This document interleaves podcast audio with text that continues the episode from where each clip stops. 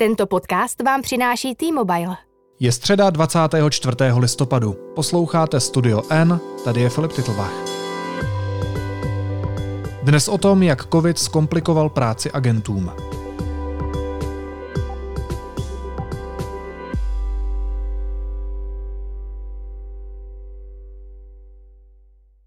Bezpečnostní informační služba popsala hrozby za uplynulý rok. Za hlavní problémy pokládá snahy ovlivnit tender na stavbu nového jaderného bloku v Dukovanech, vliv Číny a Ruska nebo dezinformace. Tajná služba upozorňuje i na to, že značným problémem pro bezpečnost začínají být lidé, kteří se radikalizují. Připouští, že pandemie koronaviru zkomplikovala práci jim, ale také agentům cizích tajných služeb, kteří pracují proti českým zájmům. Hostem podcastu je investigativní reportér Lukáš Prchal. Lukáši, vítej, ahoj. Ahoj Filipe.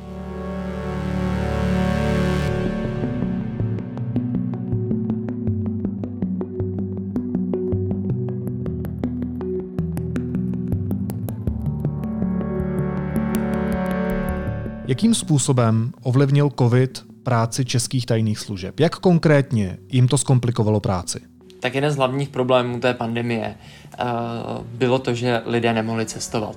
A to neskomplikovalo práci jenom zpravodajcům uh, české kontrarozvědky, ale právě i, uh, a to je možná dobře, agentům cizích mocností, kteří se snažili na českém území pracovat proti českým zájmům, kteří se snaží, snaží každoročně teda uh, nepřetržitě pracovat proti českým zájmům a pro vlastní zájmy uh, na našem území. Stížilo to uh, setkávání lidí, komunikaci mezi nimi a to jsou všechno dobré, ale i špatné zprávy pro obě strany. Jak pro nás, tak i pro cizí tajné služby a jejich agenty, kteří se tady, tady snaží páchat tu činnost. No a když říkáš, že to stížilo práci nejenom naší kontrarozvědce, ale i cizím tajným službám, které operují na našem území, tak to vlastně vypadá jako, že nula od nuly pojde. Nebo je to složitější? Je to rozhodně složitější, Filipe. Tajná služba má mnohem více nebo širší záběr těch témat, která řeší.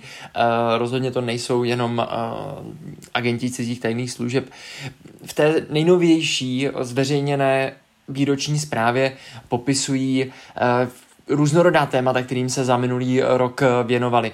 A ty už si jmenoval samozřejmě eh, Dukovany a snahu ovlivnit eh, ten zahajující tender, ale mluví i o nebo píší v té nové zprávě, píší i o uh, kybernetických útocích na české instituce, píší tam o uh, extremistech, uh, o lidech, kteří uh, se sami od sebe poslední dobou radikalizují, uh, o osamělých vlcích tohoto typu, ale mluví právě i o dezinformacích a lidech, kteří dezinformace šíří a dalších, uh, dalších příčinách, které podrývají například demokratické principy České republiky nebo naše setrvání fungování uh, v západních institucích. Tak když to teď rozebereme podrobně, co jsi řekl, a to jsem vlastně říkal i já v úvodu, tak a zůstanu ještě u toho koronaviru chviličku. Velká část společnosti musela uh, chtě nechtě vinou covidu trávit víc času doma, tedy i na internetu. Šířily se kvůli tomu masivněji ty kybernetické útoky a dezinformace, řízené dezinformace, které mají podkopat právě principy demokracie a právního státu u nás? Kybernetické uh, útoky nebyly masivnější, aspoň tak to píše uh, kontrarozvědka ve své zprávě. Nicméně dezinformace právě uh, měly mnohem lepší podhoubí pro šíření, protože lidé trávili mnoho času u internetu, na telefonu, u počítače, u iPadu a jednodušeji se na ně uh, cílilo. Lidé furt trávili čas v online světě. A tedy i kontrarozvědka připouští, že mnoho dezinformací se snáze dostalo k širšímu publiku. Takže jinými slovy se to daří? Je to tak, že se nespokojení občané čím dál víc potkávají s tou dezinformační scénou a ovlivňuje to jejich rozhodování? Rozhodně ano. Rozhodně se uh, mnohem více lidí setkalo s dezinformacemi a také je mnohem více lidí šířilo. Jaká témata nejčastěji dezinformátoři akcentují? Kde se jim nejčastěji daří vzbuzovat ty emoce? Protože to je to, díky čemu se jim daří přesvědčovat lidi. Eh, ty už to vlastně řekl, jsou to emotivní témata, eh, témata, která zbuzují emoce. Jsou to eh, právě zmíněný koronavir, šíření koronaviru, vakcinace proti koronaviru. Ale jsou tam stále i ta stará témata, která tam byla vždycky, jako je setrvání Česka eh, v Evropské unii, náš vztah eh, k Severoatlantické alianci, náš vztah eh, k Ruské federaci. Všechno tohle jsou stále dokola témata, která se pouze nějakým způsobem obměňují, posouvají, posouvají se podle toho, jak se jednotlivá témata vyvíjí, co je zrovna aktuální. Ale všechno to, co jsem zrovna řekl, jsou témata, která vzbuzují emoce v lidech lidech a která jsou v některých případech uh, různě kontroverzní a proto se jim dezinformátoři tak často věnují, protože lidé uh, na ta témata slyší, chtějí od nich něco vědět a čím víc je to kontroverzní, čím víc je to přikrášlené ze strany těch dezinformátorů, manipulativní, tak tím víc to ty lidi přivábí. Není to vlastně jenom naše téma, české téma, vzhledem k tomu, co včera říkala slovenská prezidentka Zuzana Čeputová, která byla velmi emotivní. Tak podobný problém s dezinformacemi, s tím, čemu lidé věří, jak se chovají a jak strašně moc to komplikuje tu současnou situaci, tu současnou krizi, ve které jsme se ocitli nejenom my, ale právě také i Slováci, mají problém i oni, i naši východní sousedé. Pojďme si pustit eh, kousek toho proslovu, který řekla slovenská prezidentka Zuzana Čeputová. Dobrý deň, vážení občania. Prehrávame. Prehrávame boj s covidom a to najmä v tom zmysle, že sme najhorší na svete v počte novonakazených ľudí na milión obyvateľov. Neviem, čo ešte viac treba urobiť preto, alebo čo viac treba počuť a vidieť na to, aby sme zmenili prístup čo viac treba vidieť ako preplnené nemocnice, ako ľudí, ktorí zomierajú na plúcnej ventilácii a väčšina z nich sa už domov nevráti, čo viac treba vidieť ako vyčerpaný zdravotnícky personál, čo viac treba vidieť ako ľudí, ktorí zomierajú v iných oblastiach alebo s inými diagnózami, pretože sa jednoducho kapacitne na nich nedostane čo viac ešte potrebujeme počuť, ako že sme so svojím prístupom najhorší na svete. Pre mňa je to absolútne alarmujúce a to, čo potrebujeme, je prestať šíriť blúdy o covide a prestať kliachať o covide a počúvať odborníkov.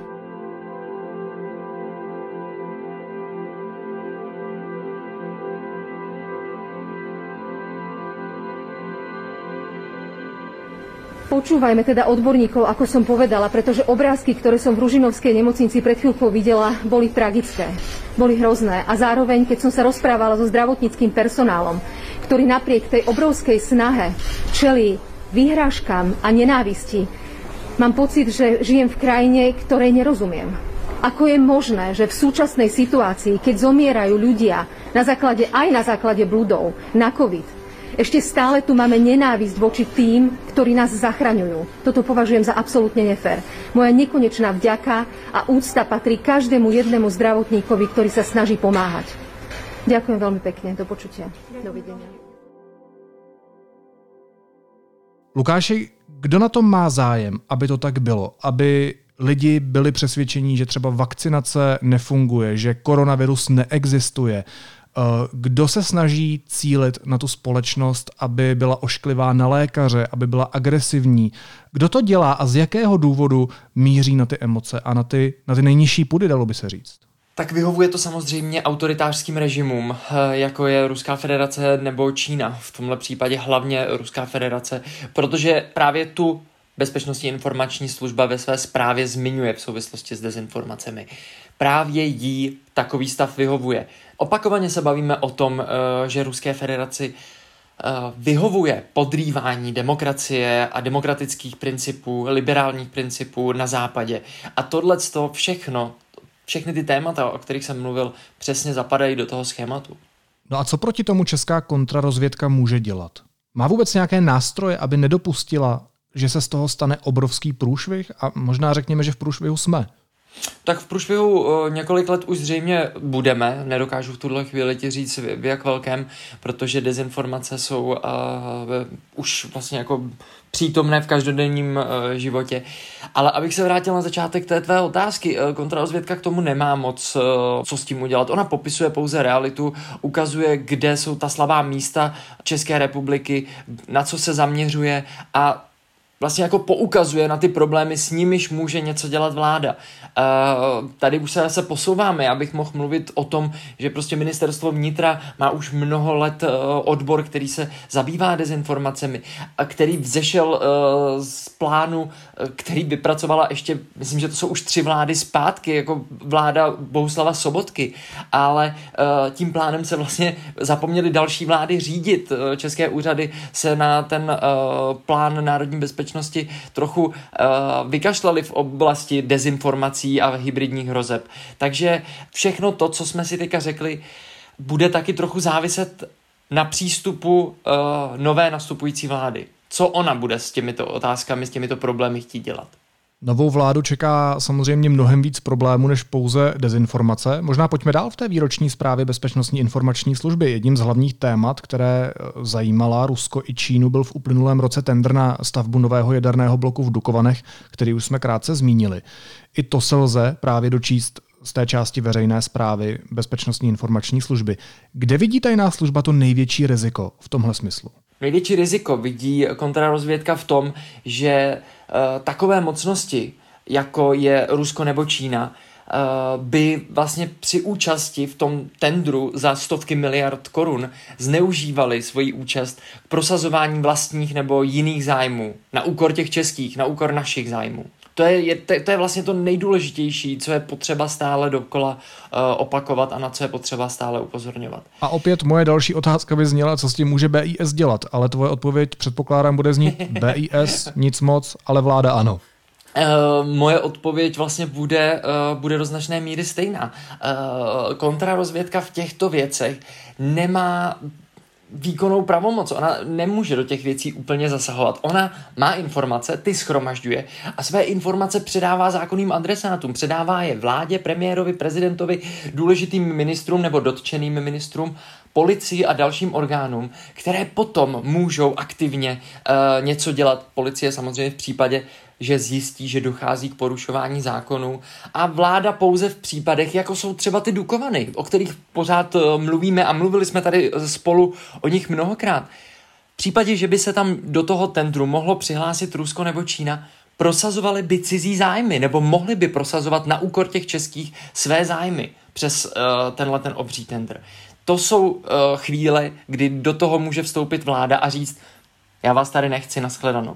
A ještě si nezmínil prezidenta. Prezident pouze v případě, že by mu šlo o blaho téhle země. Pardon, půjdu dál. Ten dokument BIS připomíná, že ještě v roce 2020 mělo Rusko výhodu, cituji, disproporčního diplomatického zastoupení. Což, pokud si to překládám správně jinými slovy, znamená, že tady prostě mělo ambasádu napěchovanou mnoha lidmi, včetně důstojníků ruských tajných služeb. Eh, tohle každopádně skončilo. Skončilo to letos v Dubnu, kdy v reakci na vrbětickou kauzu Česko vyhostilo 18 diplomatů a 63 zaměstnanců ambasády. Um, promítlo se nějak tohle oslabení ruského zastoupení v Česku do menší aktivity agentů a důstojníků uh, ruských tajných služeb Ruské federace na našem území? Já ti na tu otázku nedokážu úplně detailně odpovědět, ale uh, jednoduchá odpověď je, že rozhodně to zkomplikovalo uh, ruským tajným službám v České republice práci, protože jejich základna byla značně poškozena, do značné míry uh, rozprášena. A snažilo se to Rusko vykompenzovat na nějakých jiných frontách? Ptáš se na něco, co se odehrálo až v letošním roce. Ta zpráva, o které celou dobu mluvíme, je za loňský rok, za rok 2020. Takže na to, jak se promítne uh, ta, to snížení počtu zaměstnanců a diplomatů na ruské ambasádě v Praze, uh, se projeví až v následující uh, výroční zprávě BIS. Ale uh, už teď můžeme dopředu předpokládat, že se to projeví značně. Tak probrali jsme Rusko. Co Čína? To je země, která se také často zmiňuje v tom dokumentu. Civilní kontrarozvědka považuje za zásadní třeba působení čínských spravodajců v akademické sféře. Proč se Čína zaměřuje zrovna na tuhle oblast v naší zemi? Čína se u nás na tuhle oblast zaměřuje velmi podobně, jako se na ní zaměřuje všude jinde po světě v západních státech. To je důležité říct, že tady nejsme, nevymykáme se. Uh, ona se uh, tu, o tu oblast politickou a vědecko-technickou zajímá všude po světě, protože se snaží získávat uh, know-how, právě proto se zaměřuje na tu vědeckou akademickou sféru. Na jejich aktivity opakovaně upozorňoval právě deník N, ale hlavně server aktuálně CZ. Čína se zaměřuje na získávání kontaktů uh, na důležité vědce, na důležité pracovníky v té akademické sféře, právě kvůli tomu, že mají přístup uh, k důležitým vědeckým objevům nebo uh, k know-how, právě o kterém už jsem mluvil, na výrobu látek, zařízení a tak dále, které jsou pro Čínu důležité, nebo jsou pro, mohly by být pro Čínu důležité, mohly by být prospěšné. Proto je zajímavé sledovat ty jejich aktivity, které, eh, kdy oni se snaží navázat spolupráci s různými českými eh, vědci a akademiky, eh, kteří potom jim říkají informace nebo pro ně zveřejňují články, zveřejňují články v jejich prospěch, mluví v jejich prospěch a to všechno hraje do karet právě Číně.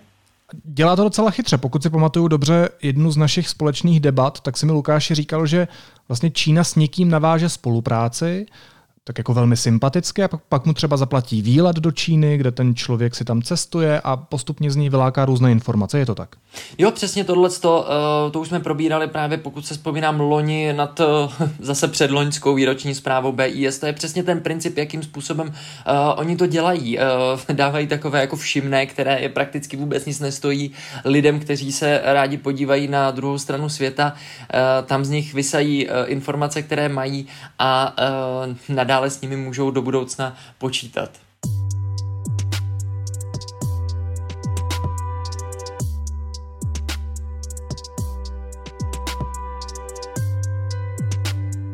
Jaké zájmy, na které si musíme dávat pozor, uh, u nás Čína má? Které názory se snaží v té veřejné debatě upevnit a které naopak spochybňovat? Spochybňuje a narušuje například český vztah eh, s Tajvanem, který uh, považuje Čína za svou provincii, na kterou jenom uh, v průběhu let ztratila uh, kontrolu. Spochybňují ale i uh, svou vlastní vinu za koronavirovou pandemii, která vlastně začala, ne vlastně, ale ona začala uh, v čínském Wuhanu. A uh, další, podobná, další podobná témata, která se snaží v Česku spochybňovat, rozmělnit tu debatu kolem nich a snaží se upevnit uh, svůj vlastní obraz jako Číny, té velké krásné země, uh, té přátelské země, s níž má Česká republika skvělé vztahy. No ale Prostě takhle úplně jednoduché to samozřejmě není, to je jejich propaganda, jejich vidění světa, protože uh, Čína a její přístup a její chování uh, ke spojencům v úvozovkách, ke spojencům, uh, je velmi asertivní a je asertivnější uh, rok od roku. Já jsem si toho všiml, že když přicházejí různé depeše, nebo když Čína zkrátka komunikuje s našimi ústavními činiteli, Eh, tak jeden den řekne, že jsme její spojenec a že jsme přátelské země a že bychom měli upevňovat naše vztahy a druhý den přijde odporná zpráva, která nám dá najevo, eh, že bychom měli dostat za uši. Ano, tak přesně tohle je přesně přístup eh, Čínské lidové republiky. No a ještě jedno téma, které se objevuje v tom dokumentu Bezpečnostní informační služby. Ona také tvrdí, že se výrazně proměnila česká extremistická scéna. Tak jakým způsobem se proměnila? Extremistická scéna je rozdělená, dlouhodobě je rozdělená. Významnějším problémem ale se stávají tematicky zaměřené skupiny uh, či radikalizovaní jedinci, a u kterých není důležitá nějaká propracovaná soustava postojů a hodnot, ale pouze nějaký negativní a nebo úplně iracionální postoj vůči nějakému tématu, vůči nějakému fenoménu, vůči něčemu, co se v danou dobu probírá, co je tématem. Dost často je to právě propojené třeba s tou dezinformační scénou, o které jsme mluvili. E, ta extremistická scéna, jak už jsem říkal, je hrozně rozdrobená. Je podobně rozdrobená jako i ta dezinformační. Mají určité skupinky, které se mezi sebou nesnáší, e, je důležitou roli tam právě hraje animozita mezi některými uh, těmi skupinami těch lidí. Ale uh, co je důležité a co už myslím po druhé nebo po třetí se objevuje uh, v té výroční zprávě BIS a je to každoročně uh, víc a víc, jak to říct, každoročně na to více upozorňují. Jsou samotáři, lidi, kteří se laicky řečeno samoradikalizují. Uh, jsou to lidé, o kterých vlastně nikdo skoro nic neví, protože oni se s nikým nebaví, své názory nikomu nezdělují, ne, nehoufují se v nějakých skupinách, kde by se projevovali. Prostě sami sebe, například u internetu, radikalizují. U, a u nich, a BIS na to opakovaně už asi třetí rok upozorňuje, hrozí, že by do budoucna se mohli stát pachateli násilných činů nebo dokonce spáchat teroristický útok. To, co teď popisuješ, mě připomíná příklad uh, Jaromíra Baldy, uh, prvního českého teroristy, který uh, se snažil o útok na železnici. To je, to je ono, že třeba nějaký penzista prostě se může pokusit o nějaký útok, protože se samoradikalizuje doma, třeba na základě toho, že si čte různé statusy a tweety extremistických entit? Rozhodně by to tak mohlo být. Já teď s ní nedokážu přesně odpovědět na otázku, jak to bylo s panem Baldou, jestli, se, jestli on je příkladem samoradikalizace, ale vím, že on, uh, u něj došlo prostě k vymítí mozku, uh, v uvozovkách vymítí mozku samozřejmě, uh, ze strany SPD, Tomia Okamury, uh, jejich příznivcem uh, dlouhá léta byl a jejichž prostě uh, slova, věty, názory přejímal. Uh, ale rozhodně přesně tímhletím způsobem může dojít uh, k seberadikalizaci. Člověk prostě přijímá nekriticky různé názory, uh, nikde je ani příliš neventiluje a uh, najednou boom, a máme teroristický útok na železnici, pokácené stromy a rozházené papírky s falešnými texty islamistů. Ono velkou roli v tomhle prostě hraje iracionální strach, který se snaží právě různými emocemi probouzet tyhle ty entity. Proč vlastně, poslední otázka, proč vlastně Bezpečnostní informační služba tyhle zprávy uh, zveřejňuje? Uh, tyhle zprávy, o kterých se teď bavíme. Může jí to pomoct v práci, když o tom veřejnost bude vědět? Kontrarozvědky po celém světě zveřejňují, eh, nebo aspoň na tom západním světě zveřejňují své výroční zprávy, aby právě ukázali na stav Eh, společnosti, stav nebezpečí, který eh, v té společnosti je a poukazovalo na problémy, kterým společnost a demokracie čelí a čelila za loňský rok. Pomoc to může i v tom, že uh, se na ty, na ty otázky, na ty problémy, na které poukazují, zaměřují novináři, policie, stát, bezpečnostní složky a další státní instituce. To je všechno důležité nemyslím si, že by jakýkoliv problém mohl nastat uh, z té druhé strany, jakože třeba ti lidé, kteří to páchají, by si řekli, a pozor, kouká se na nás kontrarozvědka, měli bychom uh, naší činnost uh, jako umenšit. Rozhodně ne. Tímhle takhle, uh, tohle si myslím, že uh, se nemůže ani stát. Nicméně, kdyby se to dělo jako preventivní opatření, uh, tak by to bylo dobré, ale uh, rozhodně, to, rozhodně to nefunguje říká investigativní reportér deníku N. Lukáš Prchal. Lukáši, moc ti děkuju a měj se hezky. Ahoj. Ty taky, Filipe, ahoj.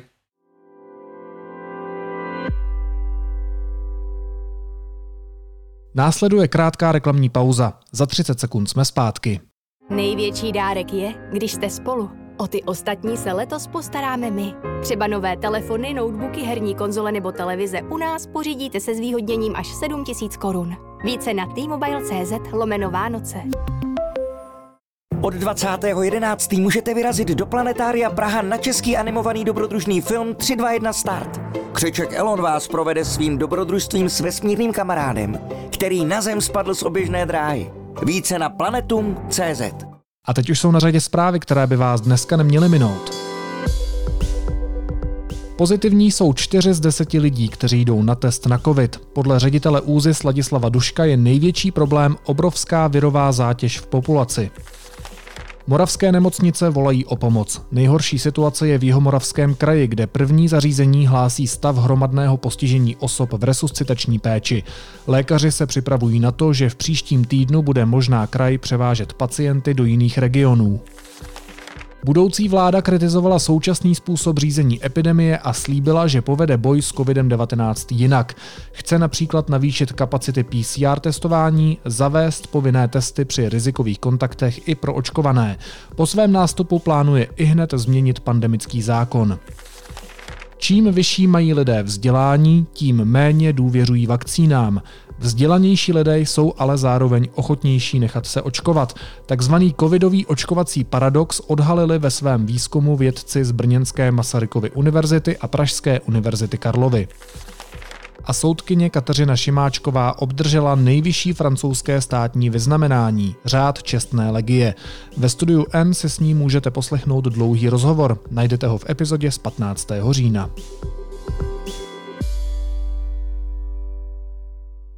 A na závěr ještě jízlivá poznámka.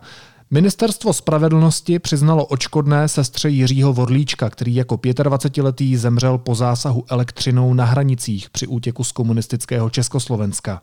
Vyplatí 303 korun. Tragédie zločinného režimu má dneska podle našeho státu cenu zhruba deseti chlebů. Naslyšenou zítra.